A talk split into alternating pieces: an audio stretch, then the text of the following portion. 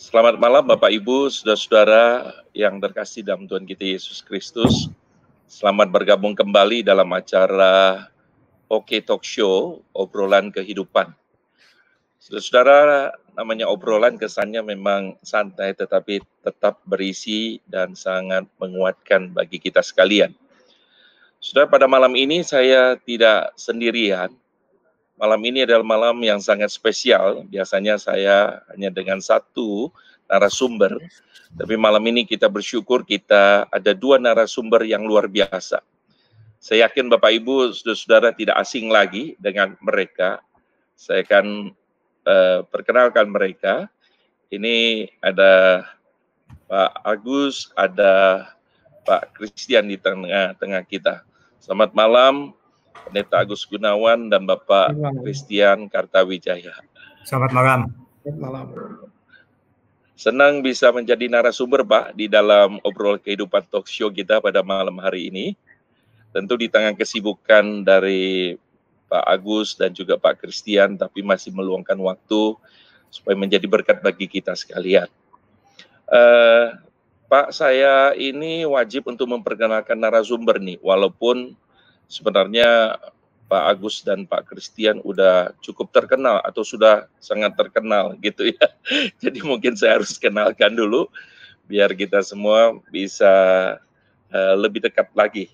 Oke, baik saya mulai dulu dengan uh, Pendeta Agus Gunawan.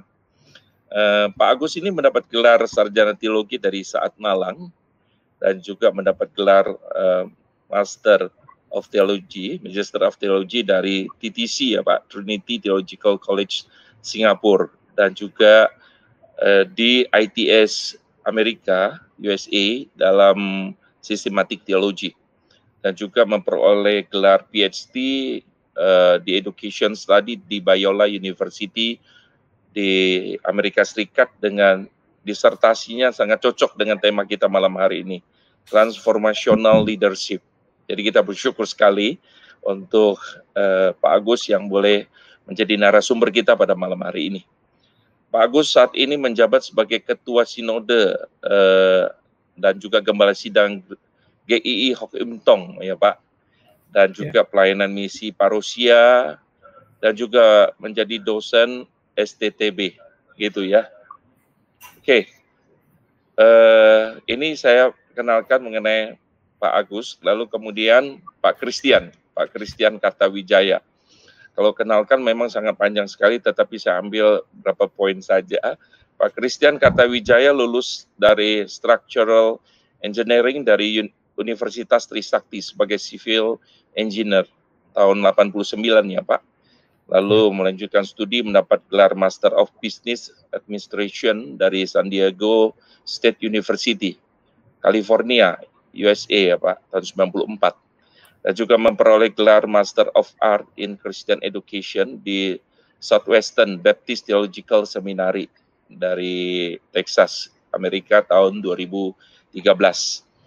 Dan kalau saya baca Pak CV-nya pelayanannya sangat banyak sekali sebagai ketua Dewan Pembina Yayasan Unike dan Sekolah Bina Iman Keluarga Sahabat Kristus yang bergerak dalam bidang pelayanan keluarga dan anak-anak saat ini juga aktif melayani sebagai anggota Yayasan Saat dan juga Ketua Christian Professional Forum CPF nasional di bawah SMC Saat Ministry Center Jakarta ya Pak.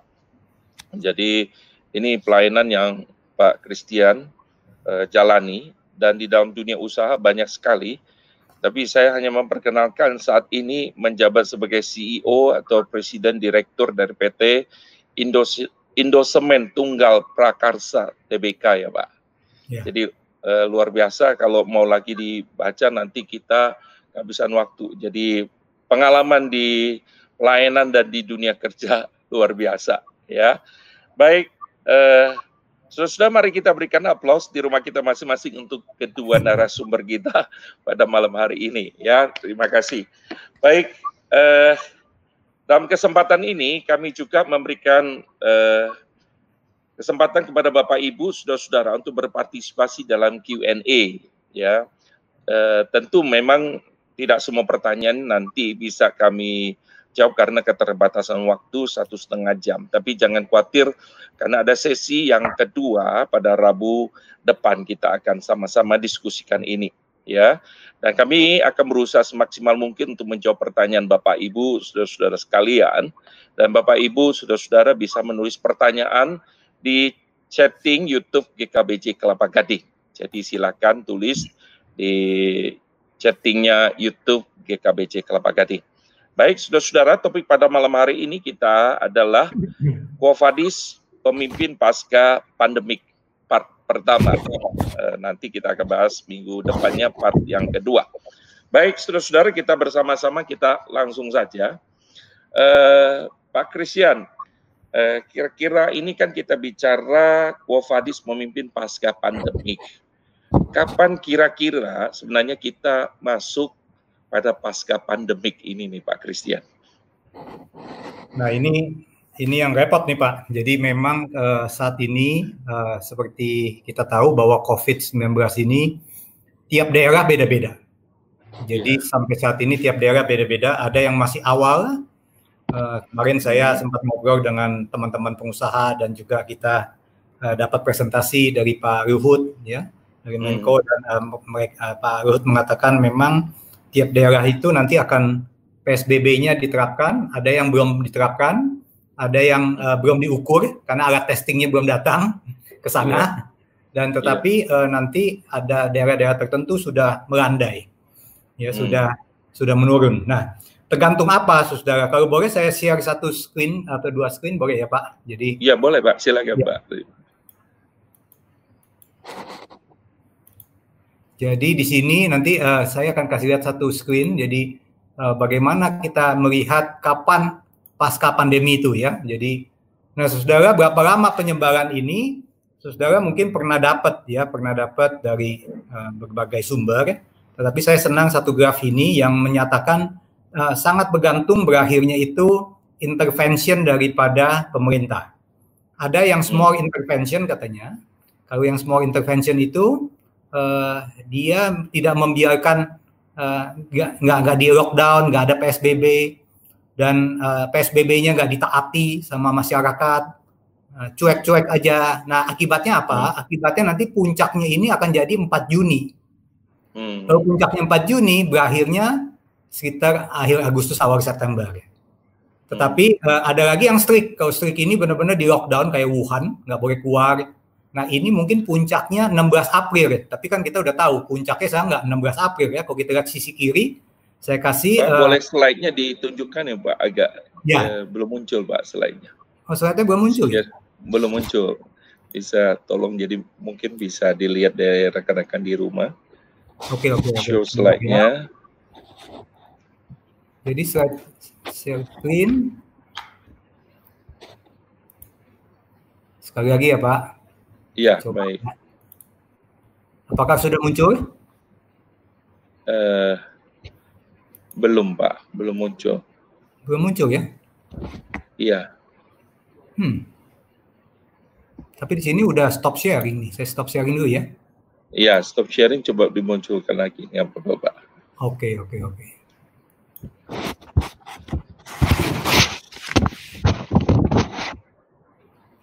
Apakah muncul sekarang? Uh, tidak juga ya? Tidak, Pak. Wah, sorry screen. Oke, oke.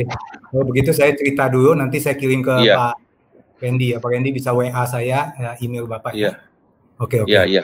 Nah, jadi uh, saudara uh, yang saya mau cerita adalah bahwa uh, sangat bergantung dengan uh, apa yang dialami oleh uh, Indonesia ini di dalam PSBB-nya. Kalau PSBB-nya makin ketat, berakhirnya makin cepat. Tapi kalau PSBB-nya makin panjang, nah itu akan berakhir panjang. Nah, jadi hmm. uh, itu yang kurang lebih yang saya mau uh, sharingkan hari ini. Tetapi sayang sekali saya nggak bisa share screen ya. Nggak apa-apa, coba sekali lagi Pak. Saya coba matikan screen ini satu lagi ya. Ini muncul Pak. Nah, ini muncul ya? Muncul. Oh, muncul. Oke, oke. Ya. Nah, jadi saudara kalau saya ulangin ya. Jadi kalau ini ada uh, strict intervention yang warna hijau nih sudah sebelah kanan.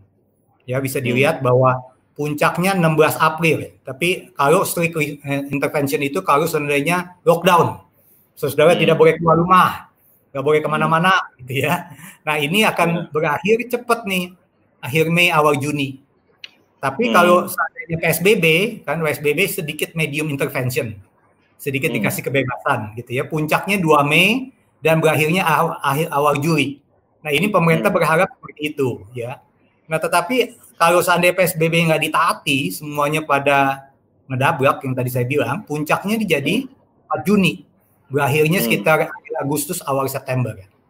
Hmm. Nah, saudara, kalau saudara lihat sekarang sampai uh, tanggal kemarin ini Mei 9, ini masih naik terus nih. Jadi memuncaknya hmm. di Indonesia itu belum puncak gitu ya.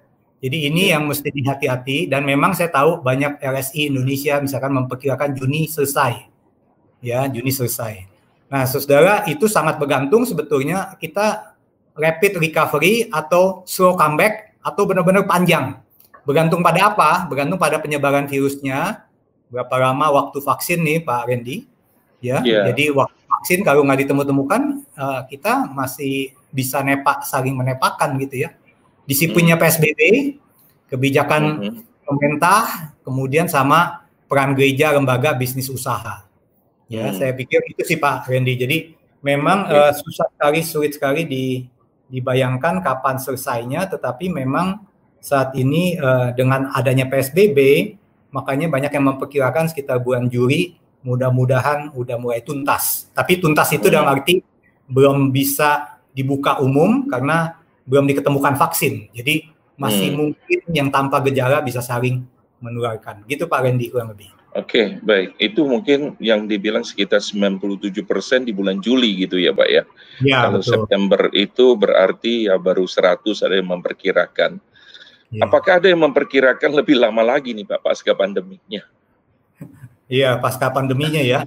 Iya. Jadi ada yang memperkirakan lebih panjang lagi sampai akhir tahun. Ada juga. Sampai akhir tahun ya. PSBB, kalau seandainya PSBB ini tidak ditaati, saya yakin begini, saya yakin kenapa PSBB dilonggarin karena pemerintah ini uh, membutuhkan orang bekerja kembali. Saya rasa itu hmm. penting. Kalau tidak okay. orang nggak bisa bekerja dan bagaimana ya? Itu kurang lebih. Iya, iya. Baik Pak Christian, mungkin uh, ke Pak Agus nih. Pasti tentu uh, ada sebuah skenario perubahan gitu ya, baik makro dan mikro dan society. Apa yang diperkirakan akan terjadi nih Pak pasca pandemi kalau menurut pengalaman Pak Agus nih? Ya, sebenarnya kalau kita lihat, eh, kelihatannya memang untuk mengukur apa yang bakal terjadi nggak gampang begitu karena karena yang model begini pandemi uh, dengan COVID-19 ini kan nggak ada bandingannya di dalam sejarah masa lalu begitu. Hmm. Artinya bahwa skalanya, kecepatannya nggak seperti ini begitu. Jadi sebenarnya agak susah untuk membuat sebuah prediksi berdasarkan pengalaman masa lalu begitu. Hmm. Uh, tetapi memang tetap harus dipikirkan juga kan kira-kira skenario nya seperti apa. Kalau menurut saya uh, variabelnya masih banyak sekali sih. Dari awal saya hmm. mengikuti akan prediksi-prediksi dari sejak mulai ada itu uh, banyak variabel yang sebenarnya tidak tercover ya sebenarnya. Hmm. Ya, memang ada ada ada bicara mengenai faktor apa, faktor apa itu memang akhirnya juga belajaran ya. Artinya dalam pengalaman kemudian jadi growing lebih lebih banyak variabel yang dipertimbangkan. Hmm. Termasuk misalnya mutasinya virus ini kan mutasi, mutasi terus begitu. Iya, iya. Lalu kalau kita bicara vaksin, ya vaksin yang mana begitu. Ya. Hmm, hmm. Itu juga jadi banyak tanda tanya lah gitu. Sebenarnya sampai hari ini seperti itu. Tapi kan sebenarnya yang penting kita masih tetap punya sikap positif terhadap situasi ini, begitu. Hmm. Sikap positif yeah. percaya bahwa ini kan harusnya bisa diatasi dengan segala pertolongan Tuhan dengan seluruh elemen bekerja sama. Hmm. Nah kalau dilihat ke depannya memang uh, perlu ada semacam uh, pemikiran gitu, konsep-konsep yang kemudian dibangun berdasarkan apa pengalaman hari ke hari, bulan ke bulan gitu. Sehingga kita memang agak sedikit meraba-raba karena sekali lagi ini masalah yang uh, problem yang bukan pernah dialami oleh orang lain dan pernah selesai. Gitu. Hmm. Contoh kalau kita bicara DB aja demam berdarah ke kemungkinan besar kita sudah banyak cara untuk mengatasinya gitu. Hmm. Meskipun DB tidak demam berdarah tidak lebih apa tidak mengerikan, tetap juga mengerikan demam berdarah. Juga hmm. korbannya juga banyak begitu. Tetapi hmm. bahwa lewat pengalaman-pengalaman yang ada orang sudah merasa ada solusi gitu. Ada hmm. solusi yang lumayan gitu. Kalau ini kan semuanya kebanyakan masih meraba-raba semuanya. Sehingga yeah. orang memisahkan problem yang sedang kita alami adalah sebuah problem yang belum pernah terjadi. Yang referensinya itu tidak betul-betul bisa apple to apple, bisa klop begitu. Yeah. Sehingga ini masih banyak loophole, banyak hal-hal yang belum terpikirkan yang bisa-bisa tiba-tiba menjadi persoalan baru gitu. Hmm. Jadi uh, ini orang bicara mengenai problem yang dihadapi yang sebenarnya orang nggak tahu solusinya bakal ke mana. Hmm. Sehingga akhirnya memang semua elemen harus cari tahu kita ada jawabannya di mana begitu pada akhirnya. Hmm. Ya itu mungkin seperti itu kita dibawa dalam satu situasi yang sebenarnya nggak nggak gampang untuk menyelesaikannya intinya seperti itu. Iya. Jadi pasti pandemi ini membawa banyak perubahan kira-kira seperti begitu kan ya Pak ya.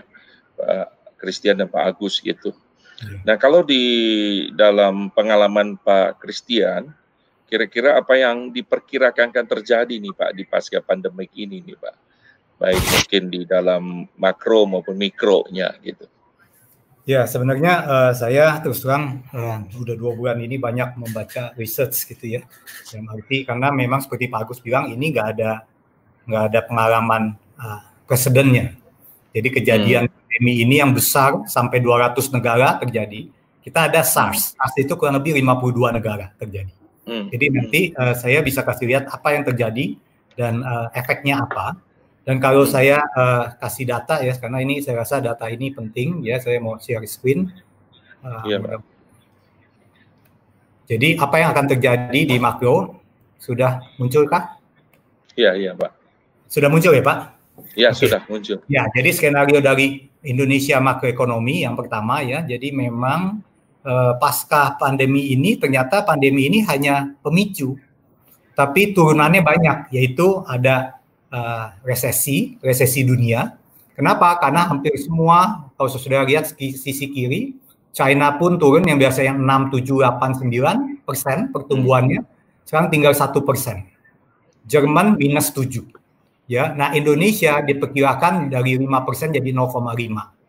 Ya, jadi hmm. ini ini kondisi yang uh, apa maksudnya GDP? GDP itu kayak pendapatan negara, saudara. Kalau pendapatan negara dari 5% jadi nol, artinya berkurang 500%. Jadi hmm. drop cukup banyak, makanya uh, yang cukup mengejutkan memang kemarin baru keluar data GDP kuartal 1.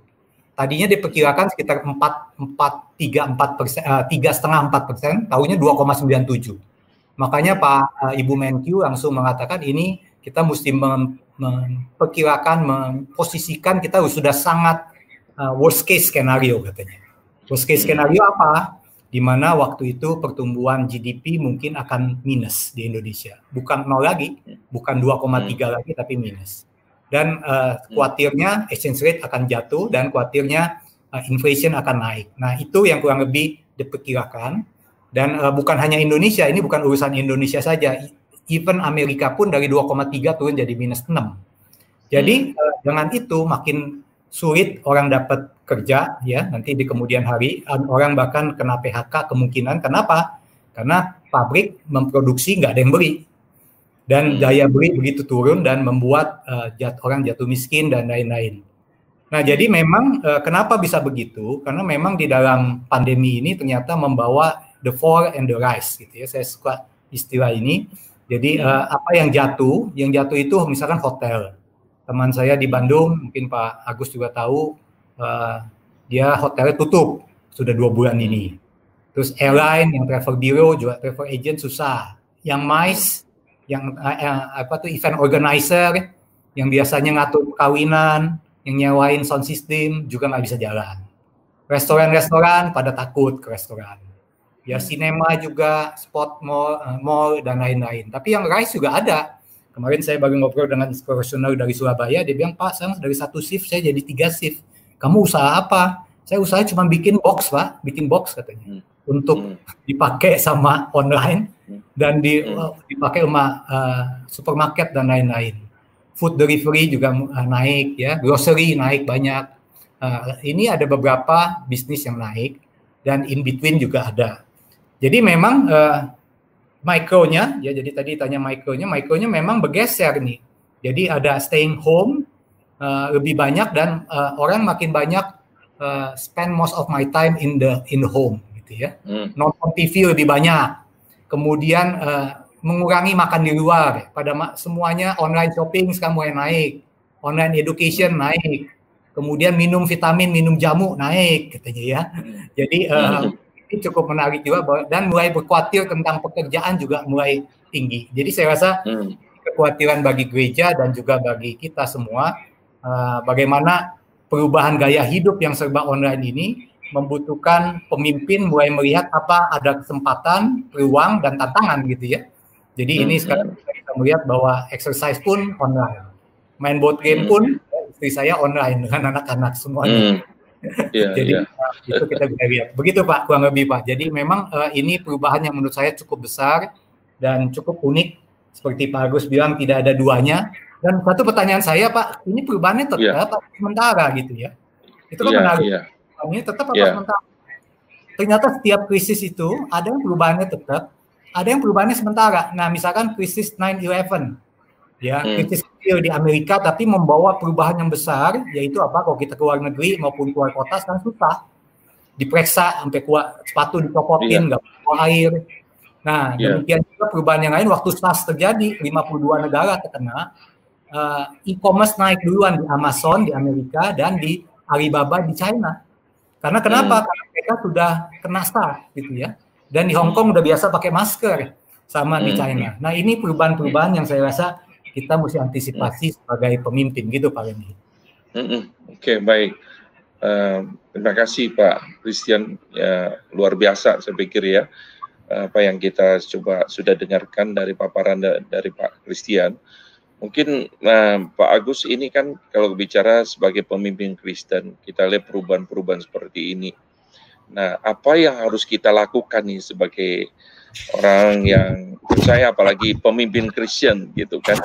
Karena kalau kita lihat kan memang apa namanya seperti di Amsal katakan Amsal 29 ayat 18 kan kalau tidak ada wahyu jadi liara rakyat. Kalau terjemahan King James kan dikatakan where there is no vision the people perish gitu.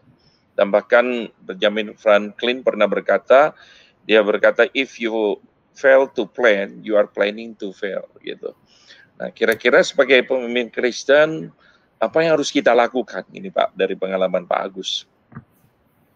Ya, saya coba lihat dari empat sisi ya.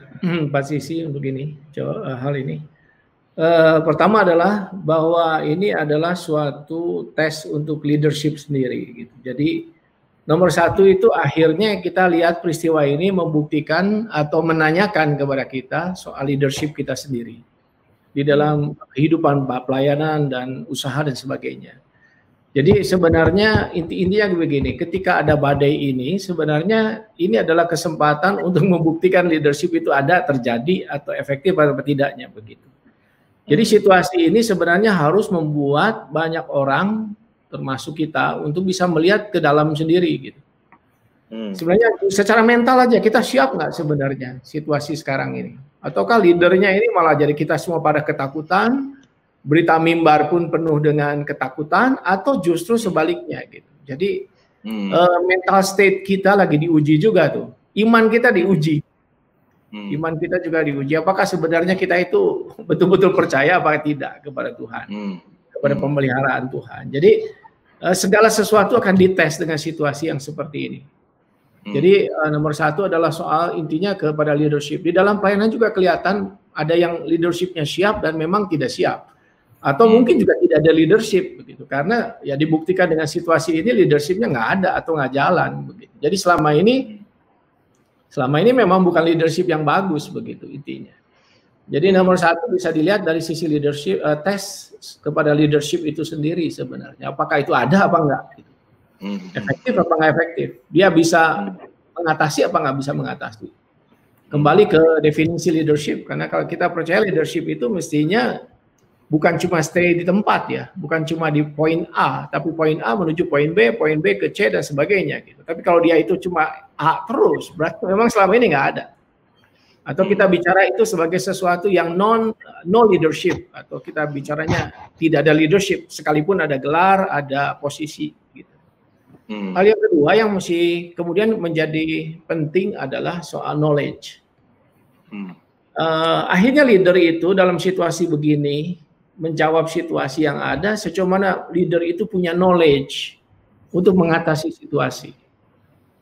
Ambil contoh ketika kita mengatasi ini di, di skala nasional atau global, jelas bahwa sebenarnya kita banyak yang tidak tahu sih sebenarnya.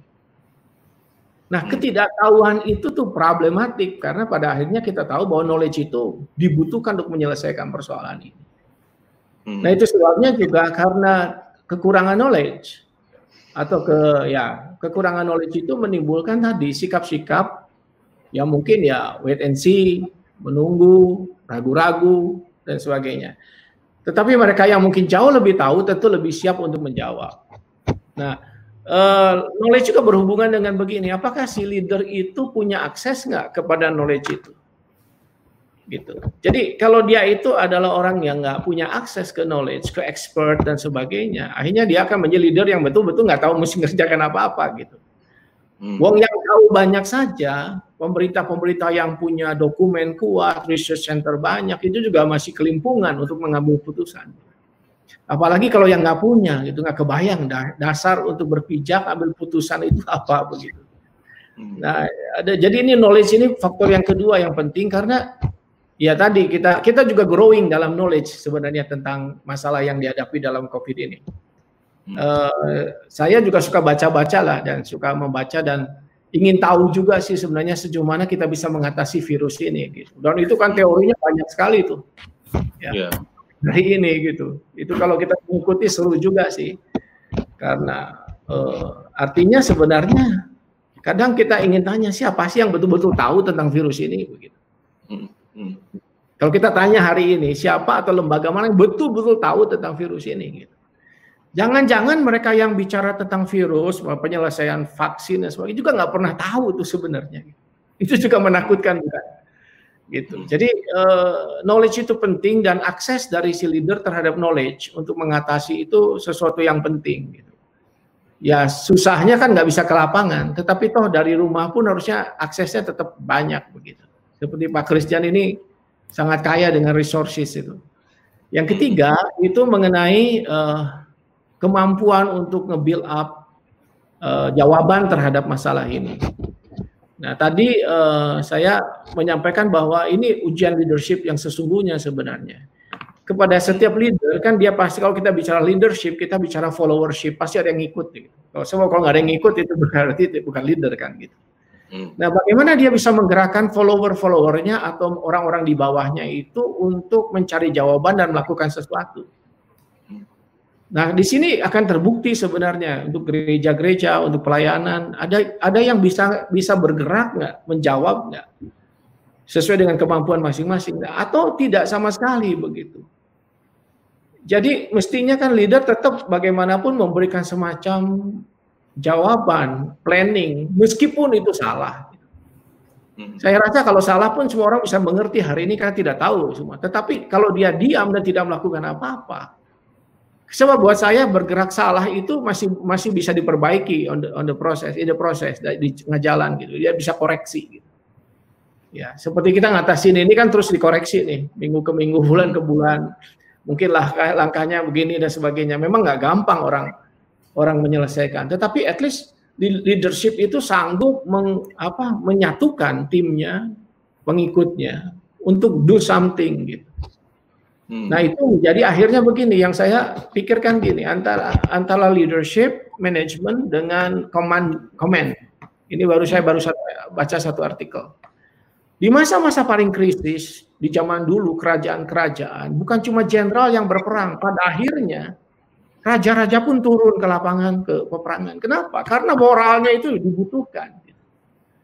Jadi nggak bisa ketika peperangan yang besar begitu, panglima sudah di depan, raja kabur gitu. Itu hancur semua moralnya.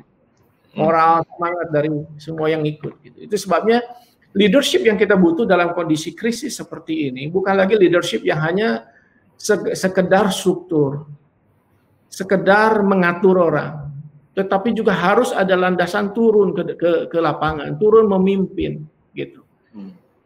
Kalau enggak ya, kalau dia cuma sekedar gini distribusi ini, distribusi ke sana, saya rasa nggak akan cukup dalam situasi begini. Situasi begini adalah situasi yang membutuhkan pemimpin itu in front. Paling sedikit dia ada di depan begitu, tidak hanya selalu di belakang nunggu sesuatu. Dia ada di depan, ngarahkan sesuatu gitu.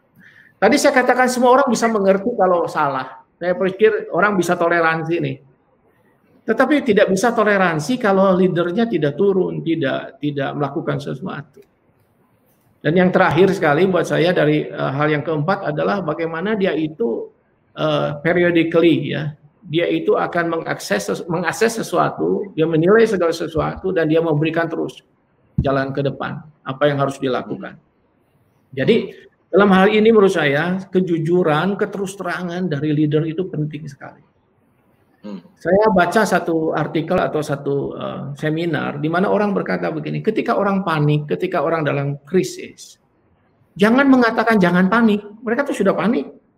Jadi jangan bilang lagi jangan panik gitu. Hmm. Atau memberikan sebuah uh, sebuah pernyataan yang hanya ingin menghibur. Orang sudah tahu kok ini masalahnya besar. Jadi tidak perlu lagi terlalu banyak penghiburan sebenarnya. Yang dibutuhkan adalah keterus terangan, kejujuran. Kita lagi di mana, situasi segawat apa, dan si leader harus memastikan, oke, okay, situasi memang gawat. Jangan ditutup-tutupi, jangan dibohongin. Orang tuh zaman sekarang nggak bisa nggak bohongin orang, akses banyak kepada hmm, data, hmm. kepada informasi. Jadi paparkan apa yang ada dan uh, nyatakan apa yang bisa dikerjakan dalam situasi itu. Hmm. Itu sangat penting gitu. Jadi jangan lagi uh, apa nama menutup-nutupi informasi atau memanipulasi data dan sebagainya itu nggak akan jalan dalam hal seperti ini. Termasuk di tengah-tengah pelayanan juga. Ya tadi saya senang bahwa dipaparkan juga bahwa ada the worst skenario di situ, ada skenario yang worst loh. Sebenarnya kita kita tidak pernah tahu di depan tuh sejauh mana, efeknya sejauh mana. Kita tidak tidak tahu hari ini. Tetapi yang kita tahu bahwa periodically harus ada jawaban untuk situasi itu, baik secara short term atau long term. Jadi dalam hal ini leadership yang harus menurut, eh, menurut kami harus bergerak gitu, berbeda dari yang dari yang dulu gitu. Kalau dulu nyaman-nyaman, sekarang udah nggak nggak bisa lagi. Itu mungkin ya. Oke, terima kasih bagus. Jadi kalau kita lihat berarti pemimpin harus memang harus bergerak ya, membuat sebuah planning. Kalau tidak, saya berpikir eh, seperti tadi kita sudah dengar, kita tidak lakukan apa-apa, ya pasti apa namanya tidak akan terjadi namanya perubahan. Dan kita lakukan mungkin eh, kurang begitu tepat, tapi paling tidak kita berusaha untuk adjust gitu ya, untuk coba memperbaiki, memperbaiki supaya menjadi lebih baik. Kalau pengalaman Pak Christian nih, Pak Christian di dunia usaha sebagai Presiden Direktur Indosemen. Kira-kira dalam berapa bulan ini apa yang Pak Christian lakukan nih dalam masa-masa di pandemik ini nih sebagai pemimpin, sebagai leader? Ya, memang uh, saya setuju dengan yang Pak Agus katakan bahwa eh, kadang-kadang ada instinctive leader katanya, dia berdasarkan insting. Dia tunggu-tunggu momen yang tepat, tunggu-tunggu info sampai ke ada kepastian, tunggu-tunggu sampai aman. Dia hmm. jadi diam saja di rumah dan uh, dan ada juga leaders yang tipenya meremehkan ancaman di depan. Anggap remeh hmm. COVID. Jadi waktu hmm. awal Maret saya sudah concern dan sudah mulai buat tim. Dan saya agak diketawain sama beberapa CEO yang lain uh, hmm. apa terlalu early gitu ya. Terus tanggal 21 Maret saya sudah merumahkan gantian. One day, hmm. one off, one day, one off. Jadi saya termasuk one one of the earliest gitu ya. Kenapa, saudara? Hmm. Karena saya belajar dari berbagai negara di Heidelberg Cement di tempat saya di grup. Ternyata ini akan berkembang dengan sangat cepat dalam satu dua minggu. Kalau saya terlambat, pabrik saya bisa terpapar, gitu ya. Jadi hmm. saya mau nggak mau uh, ngambil itu. Tapi ada juga yang nggak peduli ini normal dan memaksakan diri dengan usaha yang ada, gaya yang ada. Dan ini uh, beda sekali dengan yang tadi Pak Agus katakan, good leader itu acting with urgency. Jadi hmm. dia go hard and go early. Jadi hmm. dia benar-benar ambil tindakan segera dan dia mau komunikasikan pada saya komunikasikan pada karyawan saya apa yang terjadi, komunikasikan event bad news. Sekarang saya lakukan uh, saya coba uh, 10 hari, 7 hari sekali seminggu saya muncul di CEO briefing lewat video singkat. Jadi saya katakan uh, company kita, penjualan kita begini dan ke depan bagaimana. Dan saya komunikasikan itu dengan transparan gitu ya. Dan uh, saya juga setuju dengan yang Pak Agus katakan. Uh, saya sempat isolasi karena keluarga besar saya ada yang terkena dan saya hmm. uh, tanggung jawab. Saya pikir saya harus isolasi diri selama tiga minggu, empat minggu. Uh, saya mengambil waktu itu Nah, dan saya datang sekali-sekali. Dan sekarang setelah isolasi tiga minggu selesai saya ke kantor ikutin irama karyawan. Ya jadi satu hari masuk satu hari enggak pertama kali saya ke kantor ke mana? Ke pabrik. Saya keliling semua pabrik ya. Dan saya ingin uh, karyawan tahu bahwa saya concern dengan itu gitu ya nah terkadang memang uh, hal yang saya juga setuju dengan yang Pak Agus katakan constant updating your understanding itu istilah saya jadi uh, saya nggak nggak ngerti nih COVID kapan dan bagaimana. Jadi saya mau nggak mau baca. Sekarang saya sebagai reader, uh, saya percaya reader itu sebagai uh, kayak tutup botol atau tutup air. Kalau readernya cuma mau bertumbuh segini, ya anak buahnya tumbuhnya cuma segini. Tapi kalau readernya tumbuhnya segini, anak buahnya akan punya space untuk bertumbuh lebih banyak.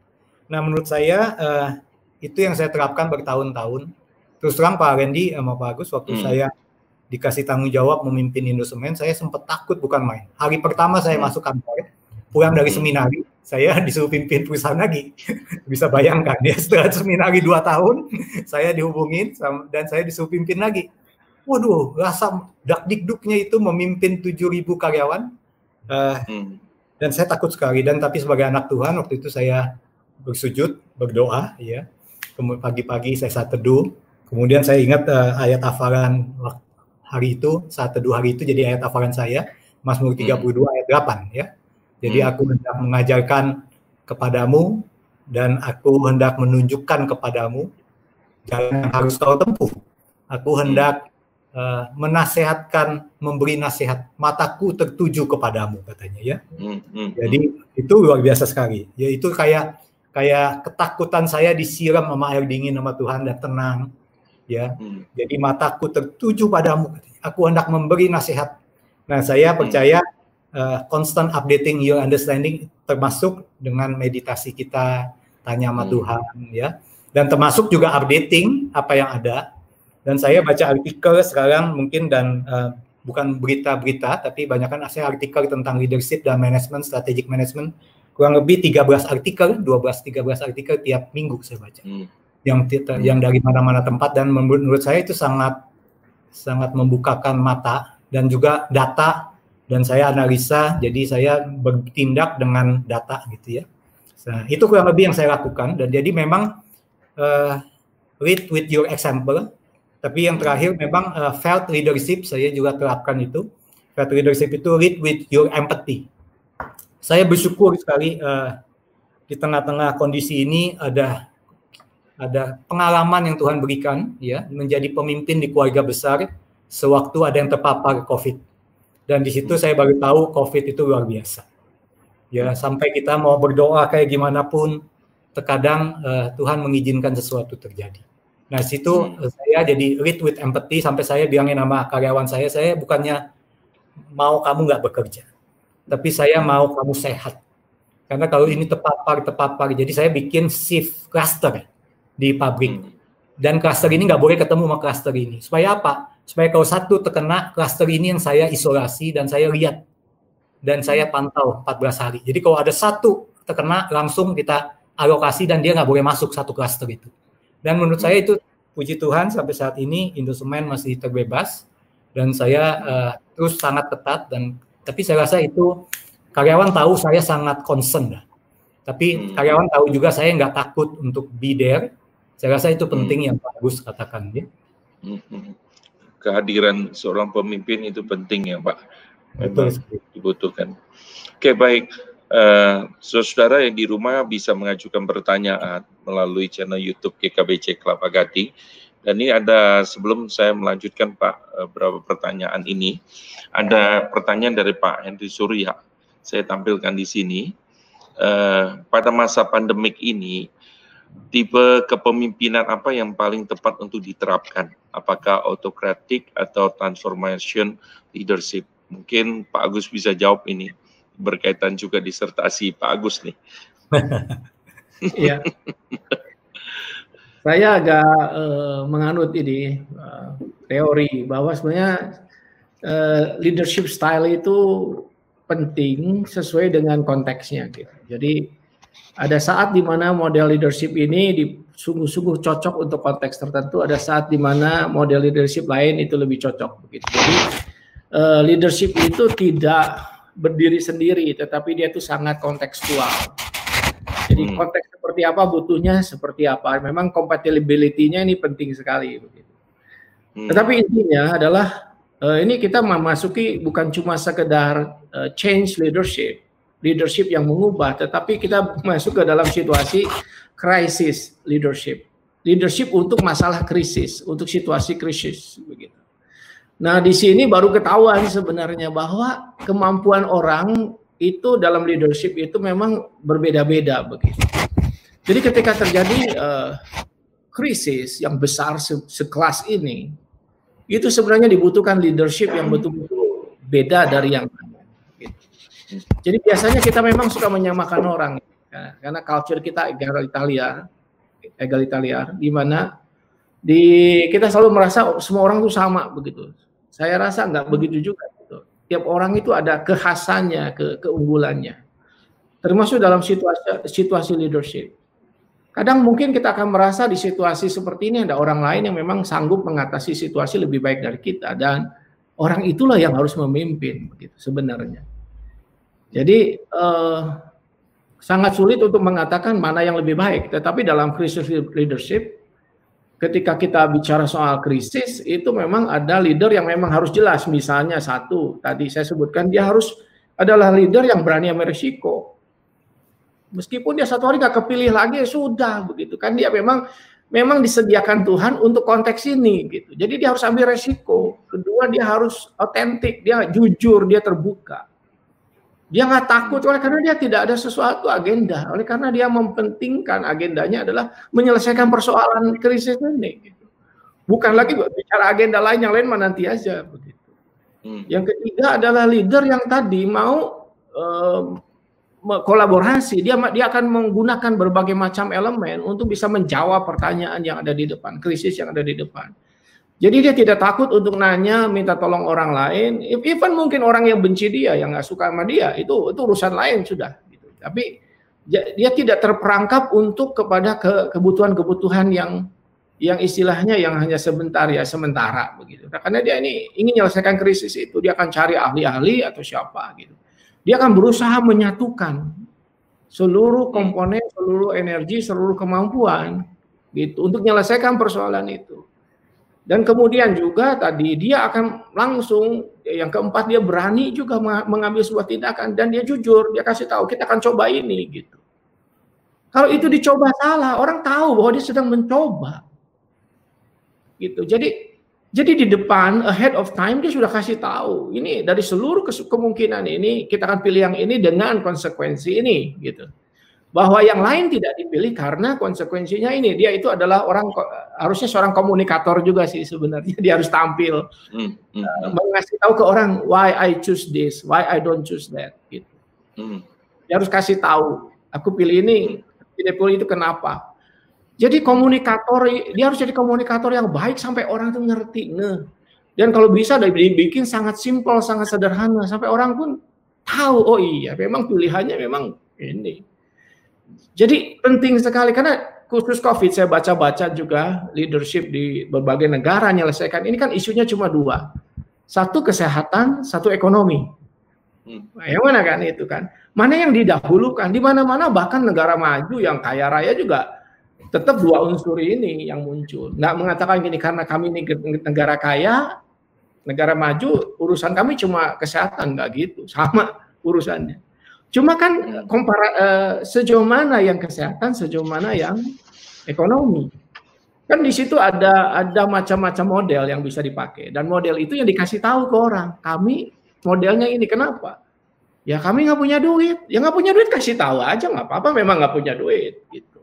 Hmm. Wong negara-negara kaya juga sama nggak punya duit, nggak ada, nggak ada juga nggak punya duit. Semua juga begitu. Gitu. Jadi choice-nya itu harus dikasih tahu mengapa. Jadi saya rasa ini komunikasi masanya penting. Komunikasi kok ke jemaat termasuk di gereja juga. Hmm. Eh, kita kita tidak bisa misalnya di gereja ini kita ada uh, ada bantuan, kita juga tidak akan berikan langsung hari ini semua gitu. Karena tadi ada pertimbangan ini berapa lama sih gitu. Kita juga menghitung-hitung kekuatan kita untuk bisa menolong.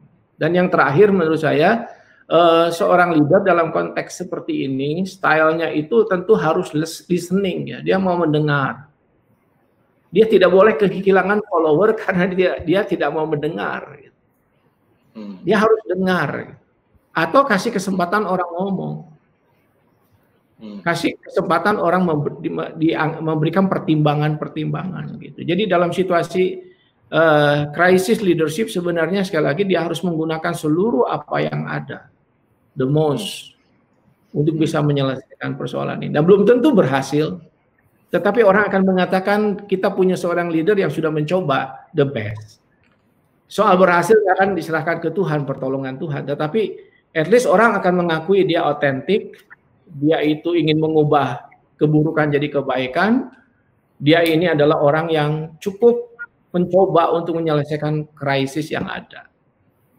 Gitu dan itu tadi saya tekankan betapa gini, kalau saya merasa begini, toh akhirnya orang-orang yang dipucuk pimpinan itu harus turun dalam kondisi begini dia harus mengambil banner itu, bendera itu dia harus pegang dulu gitu sampai nanti satu hari dia akan didistribusikan lagi gitu.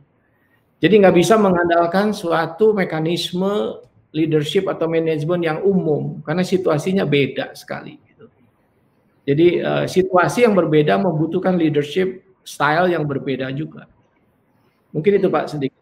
Nah. Ya, terima kasih Pak Agus sangat memberkati kita. Mungkin Pak Christian ada tambahan atau mau menyampaikan sesuatu dari tadi pertanyaannya?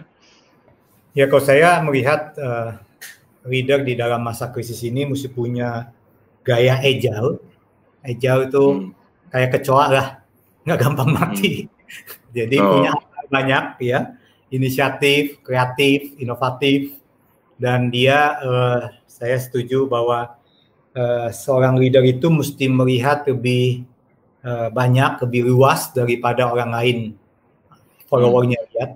Seorang leader itu harus bisa melihat lebih jauh dari yang followernya uh, lihat. Dan seorang leader uh, to see before others see. Melihat ini akan ada dampak ini, akan ada dampak ini. Nah untuk itu uh, saya melihat dua style tadi terkadang di dalam krisis itu uh, autokritik itu cukup penting juga ya kayak saya uh, saya sampai saya teleponin HR director saya, for example, saya bilang, you have to do it. Saya bilang eh, dengan shift. Dia kan ini kan belum parah nih. Saya bilang nggak bisa. You have to do it next week. Come with the regulation. Kita lakukan. Jadi satu minggu saya kasih kesempatan rapat sama semua kepala pabrik gimana caranya. Nanti Jumat rapat sama saya. Senin kita keluarkan peraturan. Jadi Jumat sore kita mulai keluarkan peraturan. Senin kita lakukan aplikasi itu tanggal 21 hmm. Maret waktu itu ya, jadi hmm. aplikasinya. Jadi saudara, uh, saya melihat bahwa memang leader itu mesti bikin pikirin berapa skenario. Jadi hmm. skenario itu dan tetapi waktu krisis ini terjadi, kadang-kadang leader mesti uh, take position, take view, hmm. although there is a risk, tapi take view itu penting. Dan habis itu mungkin kita komunikasikan gitu ya. Nah saya percaya ini sulit sekali bagi seorang pemimpin yang tidak bikin PR ya sebelumnya. Kalau pemimpinnya hmm. itu eh, nggak eh, deket sama karyawannya, ya nggak pernah ngobrol, karyawannya nggak percaya, karyawannya mulai eh, kasih tanda tanya tiap kali hmm. mulai terjadi gasak kusuk ya gasak kusuk ini leader gue nih mau untuk untuk dirinya sendiri nih ini enak untuk hmm. diri sendiri saya rasa itu akan sulit sekali waktu krisis ini waktu diambil tindakan tertentu dia akan melihat pasti ini ada ini nih.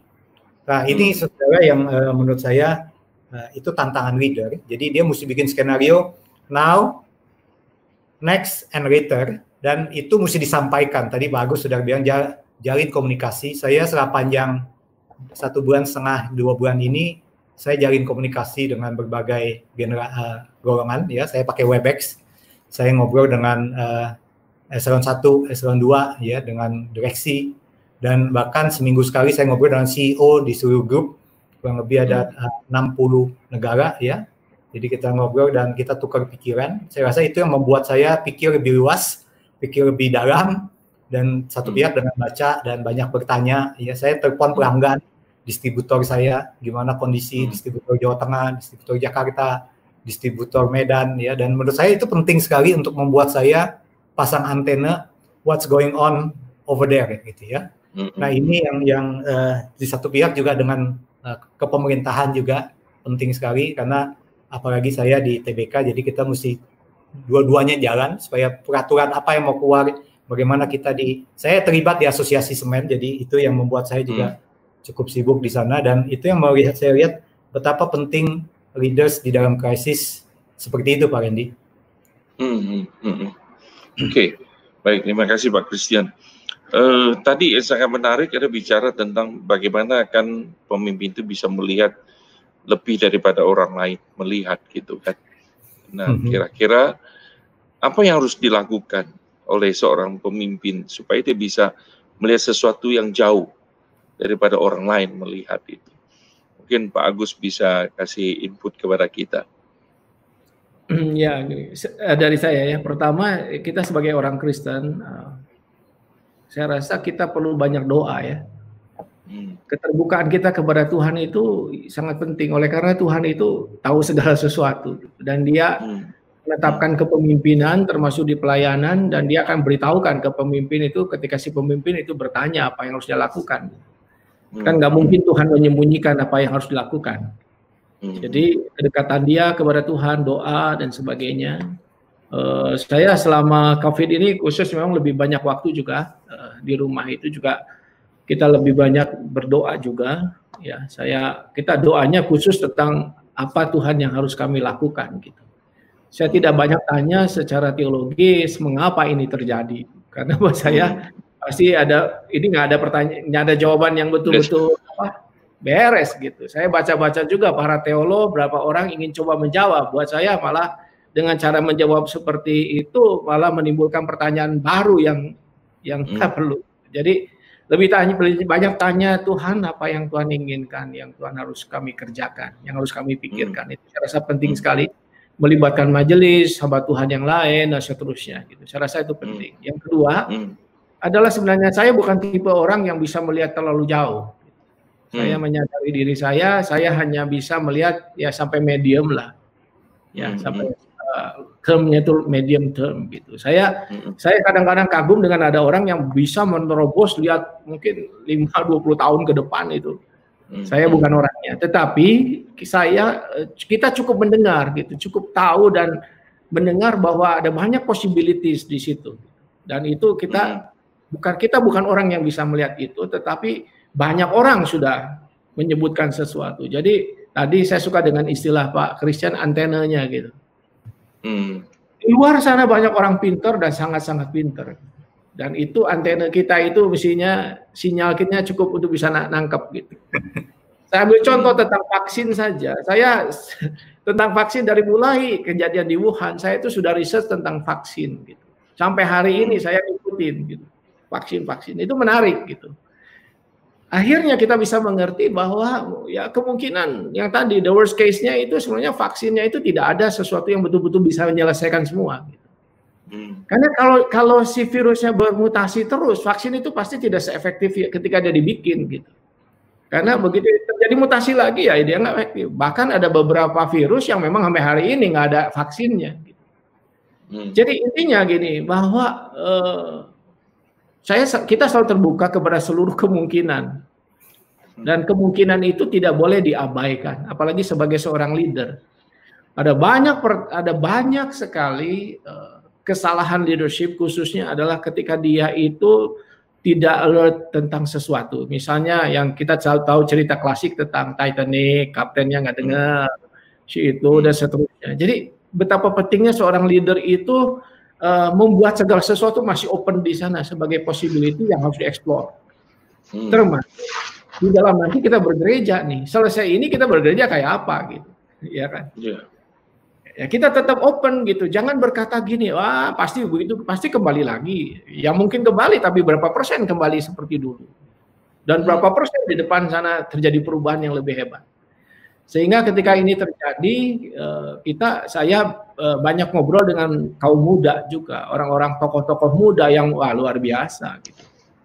Ya, mereka hmm. punya horizon tentang possibilities itu lebih gede dari saya dan mereka tuh berbicara kemungkinan yang jauh lebih banyak. Hmm. Dan yang ketiga sebenarnya menurut saya perlu sekali uh, untuk seorang leader ketika kita bicara ke depan itu uh, tadi menyelesaikan PR-nya dia gitu. Hmm. Yang tadi dikatakan Pak Christian di level leadership itu perlu orang-orang yang betul-betul akan saling menstimulir hmm. kepada sesuatu kemajuan. Kalau aja di dalam level itu ada orang-orang yang anti perubahan, anti kemajuan, anti tesis dari kemajuan, wah repot sekali.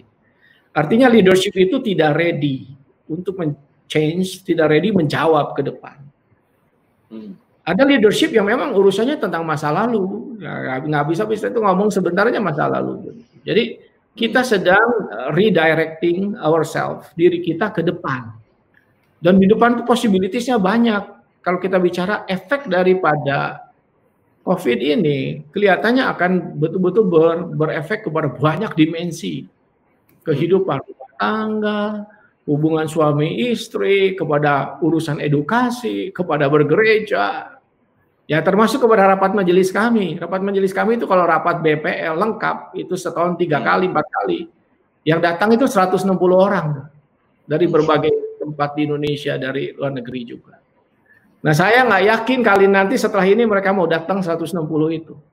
Mereka pasti akan berkata kita zoom aja pak, lebih murah, lebih hemat biaya, kita nggak perlu tinggalkan keluarga dan sebagainya. Jadi pasti ada banyak pelayanan yang kemudian akan berubah akan berubah. Jadi kita harus me, apa gigi kita di kalau steel mobil itu giginya harus ganti nih sekarang. Harus sudah mulai siap dengan perubahan ini ke depan. Hmm. Ya itu saya sih excited lah. Justru excited yeah. dengan situasi ini. Di lain pihak kita sedih, tapi excited juga karena ada banyak kemungkinan yang tadinya nggak kita pikir itu hanya kita ketemukan sekarang. Ambil contoh begitu seperti kalau kita naik pesawat. Kalau kita naik pesawat di malam hari begitu itu kan uh, cabinnya dimatikan, lampu cabinnya dimatikan. Kita gelap di pesawat itu. Tapi begitu kita lihat keluar semakin terang di luar sana. Hmm. Kadang-kadang di tempat yang seperti kita sekarang situasi yang gelap, yang sulit ini justru kita melihat segala sesuatu lebih jelas, jernih, lebih hmm. terang.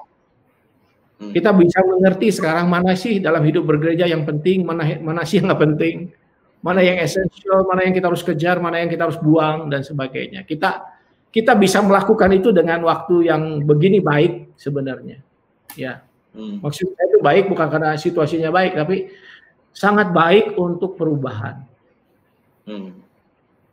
Malah ibu-ibu, bapak-bapak yang nggak biasanya tadi nggak belajar tentang gadget, nggak tahu tentang apa eh, digital dan sebagainya, sekarang kan harus kepaksa melakukan itu itu orang orang sih di, di, dikondusifkan gitu sih uh, di, di, ditolong untuk punya situasi yang kondusif untuk dia learning gitu, untuk dia hmm. belajar dan ini nggak ada yang seperti ini menurut saya ini situasi yang baik untuk hmm. berubah. Iya.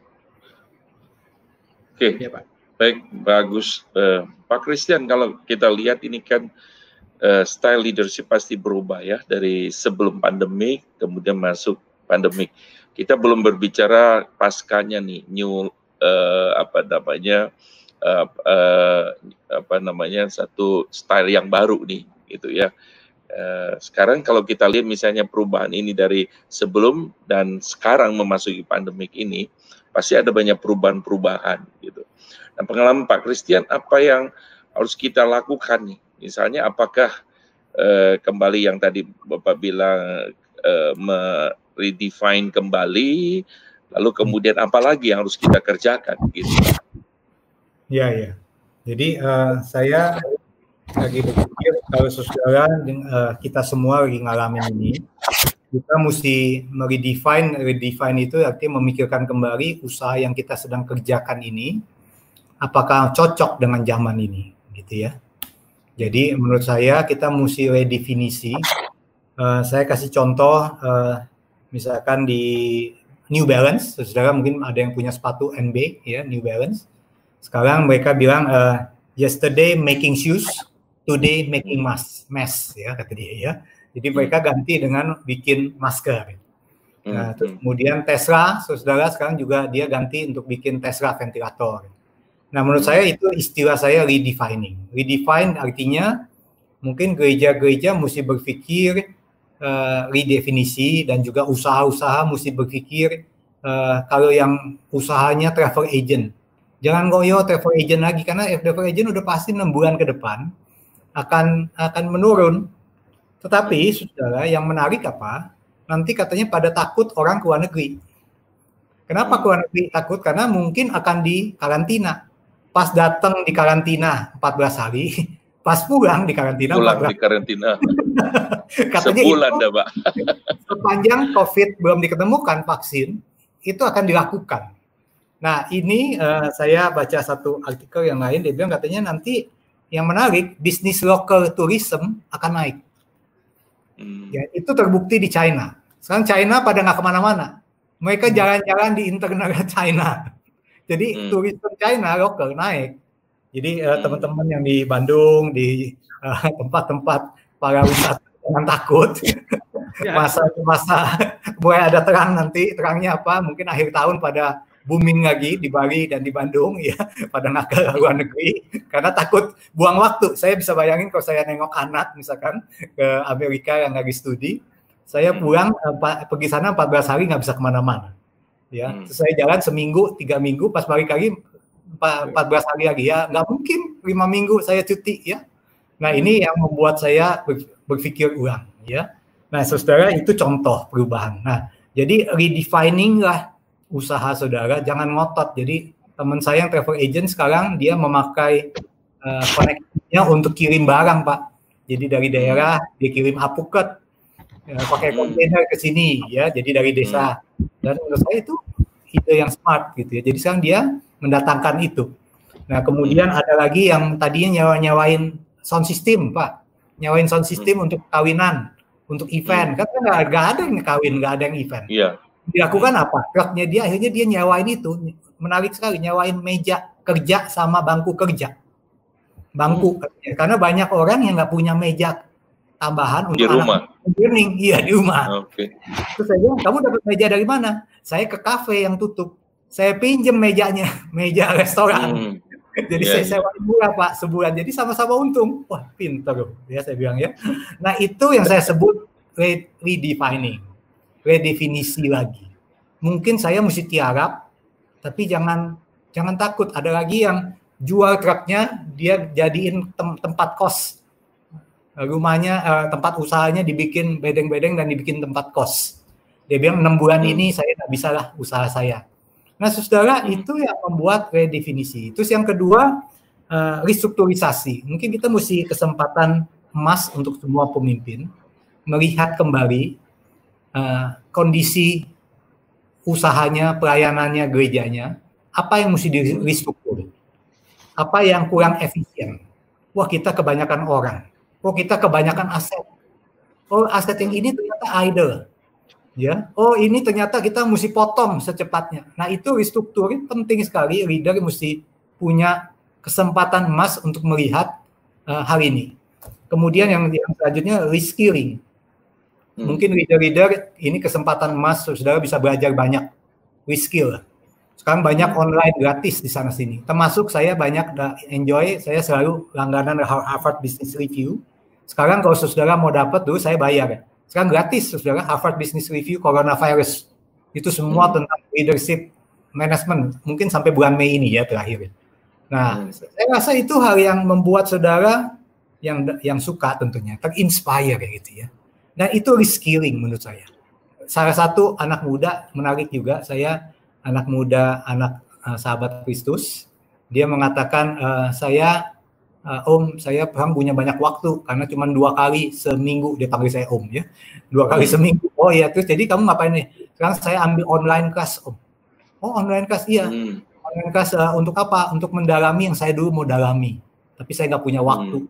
menurut saya that's a good idea That's a great idea. Itu reskilling. Jadi saudara nambah, tadinya saudara cuma arsitek, sekarang saudara nambah untuk pengetahuan manajemen.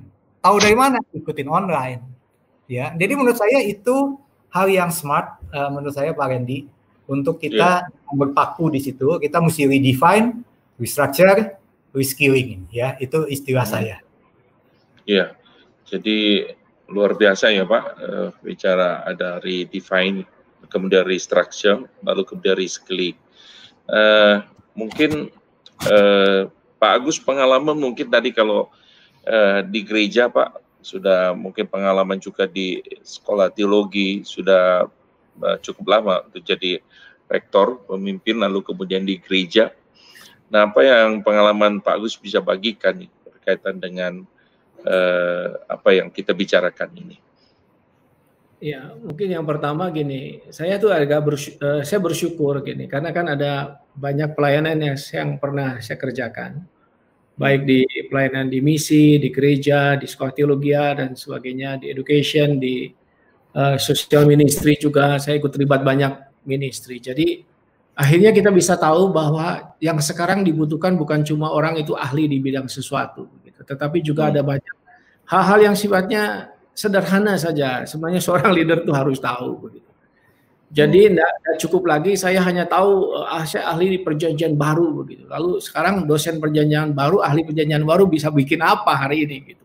Hmm. Jadi saya melihat di leadership itu hari ini makin ditantang untuk tadi uh, knowledgeable dan juga skillful dalam berbagai area gitu. Jadi nggak nggak bisa lagi itu zamannya menutup diri. Tadi saya sedang Pak Christian mengatakan ini kesempatan kok develop diri gitu. Belajar hmm. ini belajar karena sekarang kemungkinannya kan banyak gitu subscribe ke YouTube channel yang bagus kita saja sudah bisa belajar ada banyak artikel hmm. jadi nomor satu itu harus menjadi orang yang memang lebih capable di dalam berbagai macam aspek Hmm. Uh, bisa lagi hari ini menurut saya seorang leader itu hanya tahu tadi soal teologi. Saya saya cuma tahunya teologi PB saja. Hmm. Uh, akhirnya nggak bisa nggak bisa berbuat banyak. Jadi dia harus menjadi seorang yang memang mau mengeksplor diri dengan knowledge dan juga hal-hal yang mungkin uh, yang sifatnya mungkin nggak nggak nggak dulu nggak kerasa penting. Nah, sekarang sekarang menjadi sangat amat penting. Hmm. Gitu hal, hal yang tadinya dianggap berguna ternyata berguna. Bisa masak aja hari ini sudah berguna. Iya kan. Jadi ada hal-hal yang saya lihat wah leadership itu harus menjadi uh, harus diperkaya dengan berbagai macam kemampuan dan keahlian tanpa harus betul-betul jadi ahli di bidang itu semua. Yang kedua di gereja kelihatannya memang uh, perlu sekali dalam uh, situasi ini uh, di gereja itu kita menyatu betul-betul. Saya menemukan talenta-talenta yang luar biasa di gereja. Kami ini lagi shifting lebih banyak ke digital ministry sekarang, online streaming gitu dalam Nah, sebelumnya memang kami sudah antisipasi bahwa ini akan terjadi. Kita kan juga baca-baca, dengar-dengar begitu. Kita sudah jadi kita memang agak agak lebih siap lah sebenarnya karena sebelum online streaming itu kami sudah mulai beli uh, kamera yang bagus, kita sudah beli ini. Jadi jadi sebenarnya lebih ready meskipun tidak betul-betul ready. Dan dalam hmm. proses luar biasa selama dua bulan ini kami sudah punya tim yang banyak sekali anak-anak muda yang berkontribusi di dengan kemampuan mereka yang wah luar biasa. Hmm. Dan kami bersyukur karena kesatuan di tengah-tengah gereja cukup kuat sehingga lini dari atas sampai ke bawah itu betul-betul nyatu dan suportif betul-betul. Kita baru hmm. kita baru kemarin ini belanja lagi alat-alat cukup banyak gitu karena kita rasa memang ini ini serius ministry ini. Gitu. Tadinya ministry, digital ministry itu kita mau lakukan tiga tahun lalu, tetapi kan karena situasi tidak terlalu mendesak atau bagaimana, ya dilakukan, tapi tidak tidak seintens sekarang ini. Hmm. Sekarang ini anak-anak muda sedang belajar mengenai cahaya, mengenai kamera, mengenai sound, mengenai bagaimana hmm. tampil di depan umum. Wah, menarik hmm. sekali. Kemarin kami ada hmm. ada meeting dengan 100 orang anak muda, kebanyakan anak muda itu yang yang luar biasa. Jadi situasi seperti ini sebenarnya akan memunculkan hal-hal terbaik dari kita atau hal-hal yang buruk dari situasi kita. Ya, Tergantung ya. bagaimana kita mengolahnya gitu.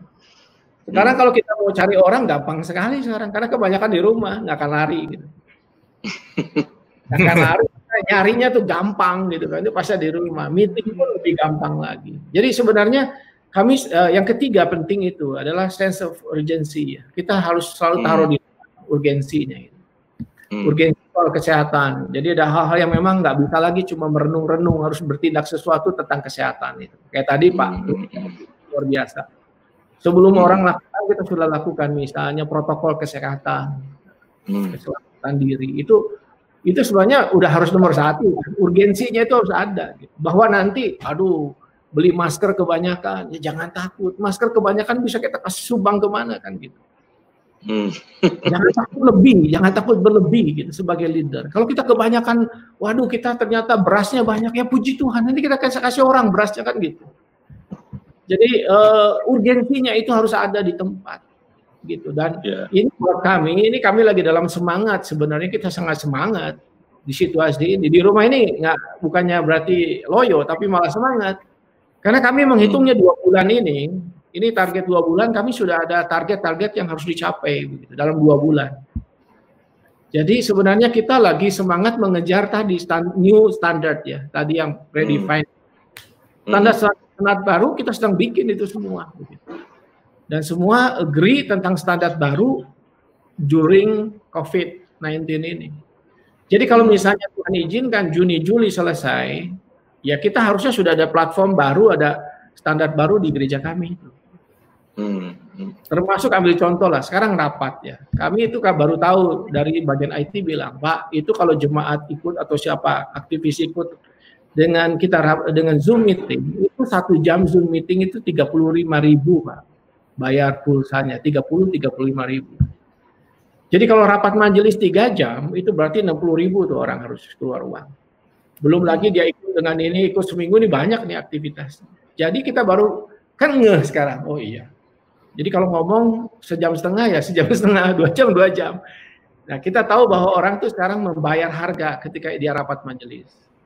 Hmm. Dia harus keluar uang dengan ikut YouTube. Dia ikut pembinaan majelis. Kami ada serial pembinaan majelis uh, yang yang kita bikin tuh dalam dalam periode ini kita betul-betul uh, nyiapkan semua. Gitu. Dan itu luar hmm. biasa. Karena kalau untuk pembinaan majelis di hari-hari biasa agak susah. Gitu. Hmm. Sekarang ini ya puji Tuhan gitu. Dengan Zoom itu dengan uh, digital ministry ini kita menjangkau banyak sekali orang. Mm-hmm. Jadi sebenarnya kita bisa semakin produktif di situasi ini. Iya, yeah, iya. Yeah. Sebenarnya bisa sangat produktif. Yeah. Termasuk gereja juga. Iya. Yeah.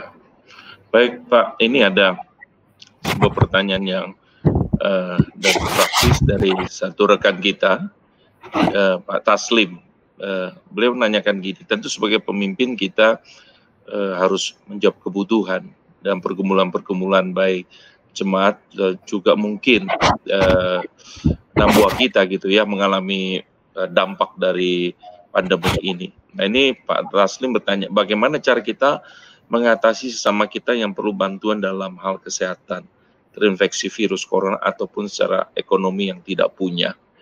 Uh, mungkin bisa ada contoh-contoh konkret mungkin Pak Christian nih saya lihat ada hal yang sudah dilakukan. Monggo Pak. Ya memang uh, itu pertanyaan yang uh, bagus sekali ya. Jadi memang itu sangat relevan dengan saat ini. Sebagai pemimpin kita mau tidak mau uh, memikirkan tentang itu. Kebetulan saya baru saja menyelesaikan uh, kemarin ini dan hari ini sebetulnya ada rembuknas di saat Nah, ada salah satu yang saya ikutin pemberdayaan ekonomi jemaat. Nah, dan kesehatan jemaat. Jadi khusus untuk jemaat. Dan ternyata memang menarik sekali. Ternyata banyak yang tadinya punya klinik, justru lagi pandemik ini tutup kliniknya. Hmm. Karena takut hmm. terpapar pandemik juga hmm. dan enggak hmm. hmm. Dan saya rasa itu uh, pilihan yang memang bijaksana. Tapi saya cuma bilang begini, sekarang kenapa nggak nggak nggak membuat online klinik? Online dalam hmm. arti uh, bisa konsultasi dengan hmm. dokter yang jemaat atau yang praktek di situ dan dia menyediakan jam konsultasi. Karena kan sekarang kalau kalau di dalam situasi ini uh, banyak yang parno, banyak yang parno. Iya, dia iya. Panas dia udah khawatir bukan main ya. Hmm. Dan kita semua begitu kan. Dan kita hmm. semua takut sekali karena kita nggak tahu kita ketemu pegang apa dan lain-lain dan ini membuat uh, begitu banyak. Sedangkan kalau kau cepet-cepet ke dokter dan cepet-cepet ke ke rumah sakit, menurut saya juga nggak bijak karena bisa hmm. satu rumah sakitnya sedang kesibukan juga dan sedang uh, high tension dan bisa kepapar juga ya. Jadi ini yeah, yang iya, membuat yeah.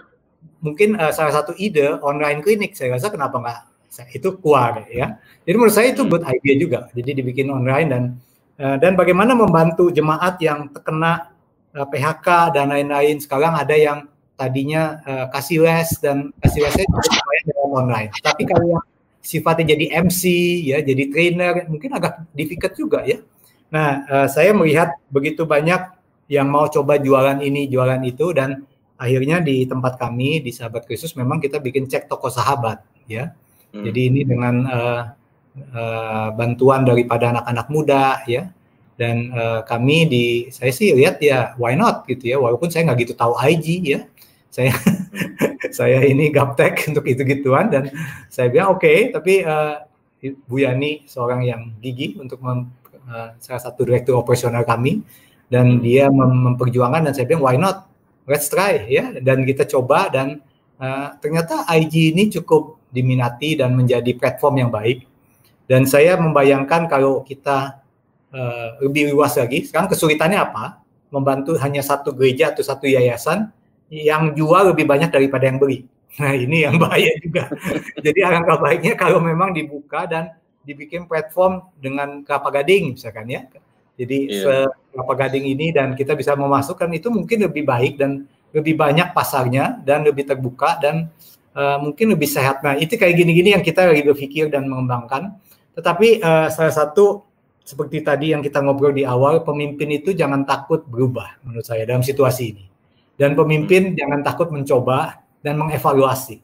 Tapi kalau kita mau berbuat baik, tapi begitu banyak uh, kriterianya. Karena waktu kita mau hmm. buat ID ini banyak yang khawatir, nanti kita dituntut loh. Nanti kita uh, diomongin cari dana hmm. nanti kita tapi satu pihak yang yang mau dagang ini butuh platform, butuh hmm. sesuatu yang membuat orang tahu dia ada nih daripada kita beri sama orang lain mendingan beri sama teman kita ini. Nah menurut saya kayak gitu-gitu ya butuh pemimpin yang step into dan uh, menolongnya gitu. Dan satu lagi yang yang saya lihat uh, menolong orang yang susah, saya tertarik sekali dengan istilah konsult eh, apa namanya kunjungan online. Nah, hmm. kunjungan online, saya bilang kayak apa kunjungan online? Tadi Pak Agus kan bilang semua banyak ada di rumah. Jadi dat, hmm. uh, coba buat uh, sesi khusus untuk ngobrol sama dia. Dan itu hmm. habis itu doa dan ada yang rekam doa dan dikirim. Wah menurut saya it's perfect gitu ya. Jadi uh, ada yang kasih lagu kirim dan uh, zaman sekarang menurut saya itu sangat penghiburan yang besar bagi yang sakit. Uh, hmm. Karena kita nggak bisa, apalagi yang terkena COVID ya, sulit sekali. Hmm.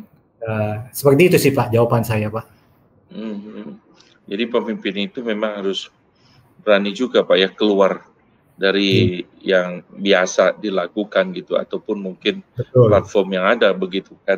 Kalau yang tadi Bapak bilang cek toko sahabat itu kan kalau kita lakukan di gereja pendetanya coba tolong endorse wah itu bahaya juga wah ini yang mana di endorse begitu ya Pak Agus diminta endorse nih Pak Agus nanti iya iya iya. Ya makanya kami kami mengambil langkah ya sudah kalau gitu penjual sama pembeli mesti berbicara langsung. Uh, dan kami nggak mengendorse apa-apa, tapi kami tahu mereka butuh dan mereka benar-benar anak Tuhan gitu, yang yang ya, tanggung jawab menjaga kebersihan dan barang ini jangan sampai ngemplang, udah kirim duit, nggak kirim barang kan cilaka itu ya. Iya, iya, iya. Bahwa dia tanggung jawab, itu saja accountability ya. Tapi mengenai ya, enak-enak, cicipilah sendiri gitu ya. Harus berani ambil resiko memang kayak gitu ya Pak pemimpin. Iya. Uh, uh, uh, uh. Uh, ini ada satu pertanyaan lagi Pak. Ini saya dari Pak Sujono. Eh, kira-kira peran apa yang bisa disumbangkan untuk gereja atau para pemimpin untuk menjadi geram dan terang dunia? Kita sering fokus di dalam namun tidak di luar. Pak Agus mungkin bisa jawab Pak yang ditanyakan ini. Ya, kami kita akan uh, pelayanan saya rasa uh, internal dan eksternalnya dua-duanya penting. Jadi kita tidak pernah bisa mementingkan yang satu mengabaikan yang lain. Yeah. Ya di gereja kami itu sebenarnya kami coba misalnya untuk situasi sekarang uh, persembahan itu juga kita ada perubahan ya. Dulu hmm. kita mulai uh, mengalami COVID ini persembahan masih kita andalkan dengan uh, via bank gitu ya atau internet banking. Nah lama-lama kemudian ada orang-orang merasa yuk kita pakai QR aja begitu. Dan sampai berpikir ketawa juga karena waktu kita tahu gereja-gereja ada yang pakai QR, itu kemudian ya kalau kita mungkin perlu waktu proses agak lebih lama untuk bisa menerima kehadiran QR di, di gereja kita gitu. Mm -hmm. Jadi akhirnya tapi karena situasi ya akhirnya kita berubah sekarang dalam hal persembahan. Mm. Lalu persembahan kita pakai QR ketika kita pakai apa tuh namanya live streaming atau online streaming kita suka posting gitu QR QR, QR kita. Dan ya puji Tuhan itu lewat itu jemaat bisa memberi ya dari rumah ibadah dia kirim begitu.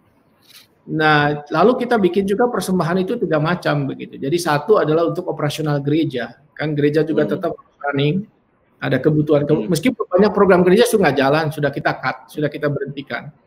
Hmm. Yang, yang di lapangan gitu. Tapi kan yang lain mesti jalan, digital, perhatian, konseling dan sebagainya. Jadi ada persembahan yang memang untuk operasional gereja. Lalu juga ada operasional uh, persembahan khusus diakonia. Dan yang menarik diakonia ini dulu anggotanya nggak banyak. Nah kali ini kita tambah banyak. Kenapa? Karena kita membuka lagi sekarang. Bukan cuma sekedar anggota gereja yang dapat diakonia, tapi yang pengunjung simpatisan pun kita screen, kita masukkan termasuk orang-orang sekitar gereja yang memang butuh, nggak punya uang, ya perlu didukung, ya kita masukkan. Sehingga kita sekarang punya list yang sudah betul-betul di, dicek berulang-ulang kebutuhannya. Kita punya list. Nah, hmm. dari dananya dari mana? Dia dari gereja, ter, termasuk dari luar masuk, yang lewat QR khusus untuk diakonia. Jadi diakonia hmm. itu tiap bulan kita ada pos khusus begitu. Hmm. Lalu juga dalam konteks uh, bencana COVID ini kita ada satu persembahan memang di set khusus untuk masyarakat. Gitu. Hmm. Nah itu kita juga bersyukur karena ada pemimpin-pemimpin gereja yang uh, dengan kasih yang menaruh dana cukup besar, jemaat juga dari luar juga masuk begitu dan persembahan ini yang yang kita pakai untuk menolong lingkungan gereja dan orang-orang di luar. Maka kita kerjasama juga dengan pemerintah. Hmm kerjasama menolong rumah sakit, rumah sakit dan sebagainya.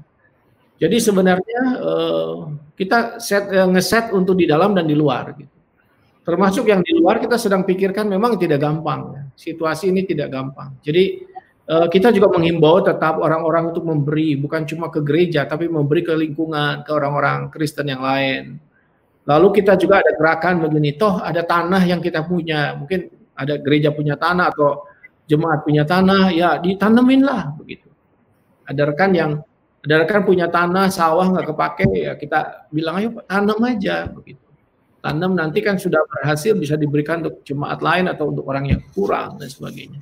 Jadi kita bikin gerakan seperti ini sebenarnya. Lalu juga tadi gerakan dari di mana jemaat bisa nolong orang lain di jemaat. Hmm. Ya, kita, kita memang tidak ada endorsement, tidak boleh ada endorsement dari gereja hmm. tentang jualannya. Cuma kita itu ketika kita bikin platform seperti itu untuk saling jual, saling concern itu itu ada aturannya. Memang kita ada bagian yang memanajerin itu. Gitu. Jadi misalnya hmm.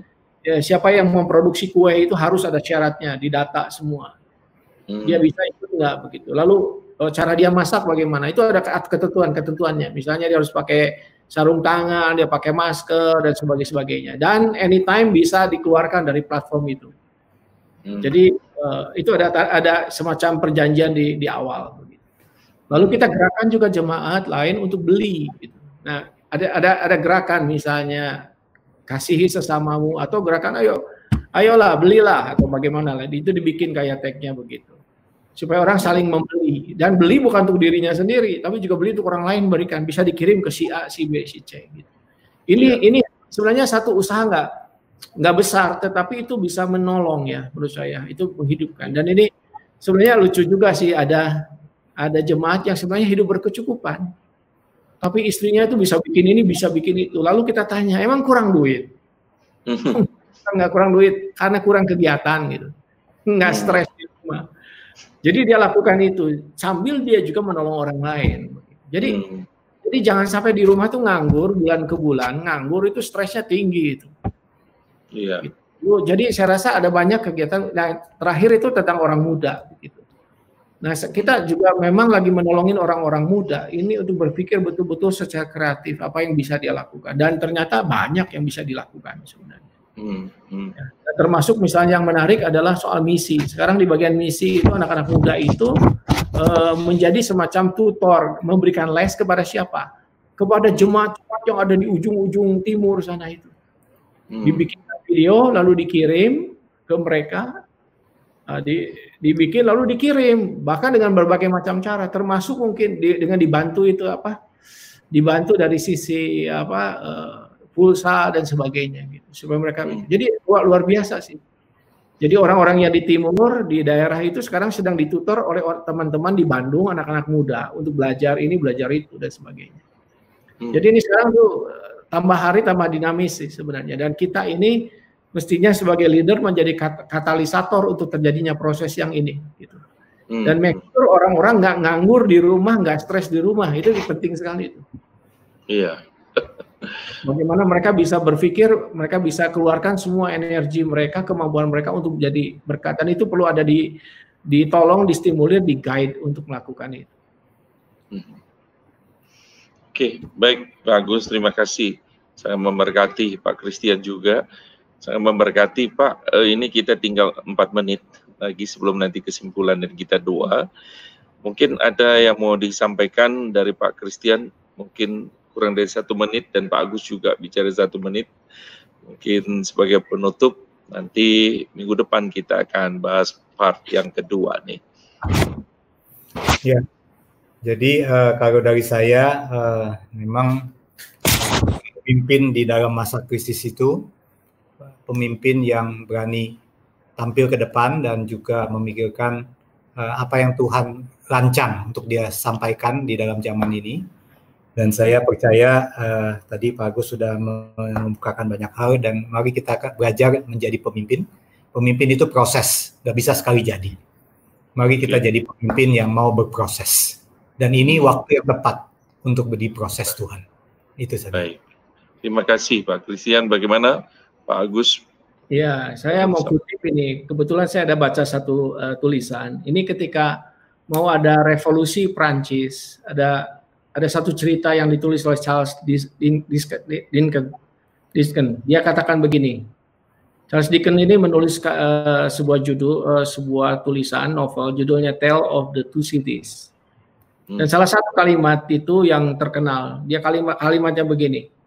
It was the best time It was the worst of times. It was the age of wisdom. It was the age of foolishness. It was the epoch of belief. It was the epoch of incredibility. It was the season of light. It was the season of darkness. It was the spring of hope. It was the winter of despair. Jadi mengisahkan memasuki masa revolusi Prancis begitu susahnya hidup. Termasuk ceritanya tentang petani juga. Tentang orang-orang sederhana. Jadi saya rasa kita dalam sebuah masa yang seperti ini. Jadi saya rasa dari sini akan muncul the best of us or the worst of us. Hmm. hmm. Jadi, rindunya adalah kita itu menggunakan kesempatan ini yang mungkin berharap segera selesai. Tetapi di sini kita secara produktif, kreatif bisa menghasilkan sesuatu yang luar biasa. Hmm. Jadi season ini biarkan menjadi season di mana kita betul-betul punya wisdom, punya menjadi terang dan memberikan hope untuk banyak orang lewat semua yang kita kerjakan. Baik, terima kasih Pak Agus, Pak Christian, dan saudara-saudara para uh, pemirsa yang mendengarkan, saudara-saudara di rumah. Kita bersyukur kita boleh mendengarkan uh, uh, dua narasumber kita yang saya percaya bahwa malam ini memberkati kita luar biasa. Nah, sedikit saya mungkin membuat satu rangkuman. Jadi untuk mengukur apa yang akan terjadi pasca pandemik, memang tidak gampang gitu ya karena terlalu banyak variabel yang perlu dipertimbangkan dan kita belum memiliki pengalaman terhadap masalah pandemik ini. ya ada banyak dampak dari pandemik.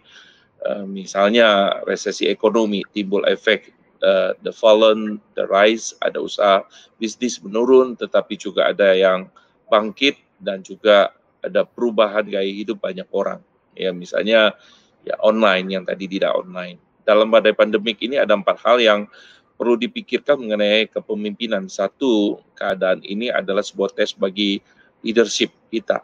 Yang kedua, kita bicara adanya knowledge, bagaimana leader mengatasi situasi ya ini dengan segala sources yang ada. Tiga bicara tentang kemampuan bagaimana membuild up semua jawaban terhadap persoalan ini kepada para follower kita. Dan yang keempat secara periodik tentunya seorang pemimpin harus memberikan arahan dengan jujur. Nah, dan perusahaan pun seorang leader harus memang uh, harus bertindak ya uh, dengan skala urgensi ya, acting with urgency. Leaders juga harus ya bicara tentang konstan dia untuk updating our understanding ya. Jadi lead by example, lalu kemudian perlu lead uh, with empathy ya itu yang harus dilakukan oleh leader.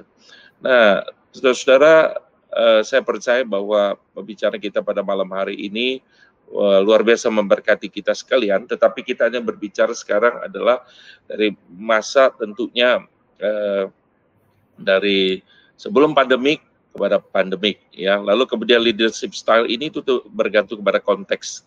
Tapi dalam krisis seorang leader harus satu berani ambil resiko tadi sudah disampaikan, harus otentik, dia berani jujur, dia berani terbuka, dia harus berani kolaborasi menjawab krisis yang ada di depan, berani mengambil tindakan dengan uh, segala pertimbangan yang ada tentunya dan juga harus uh, mendengarkan tentunya pertimbangan-pertimbangan ya untuk dapat memiliki visi penglihatan yang lebih jauh daripada yang lain. Yang pertama tentu seorang pemimpin harus mulai dengan doa bersama dengan Tuhan.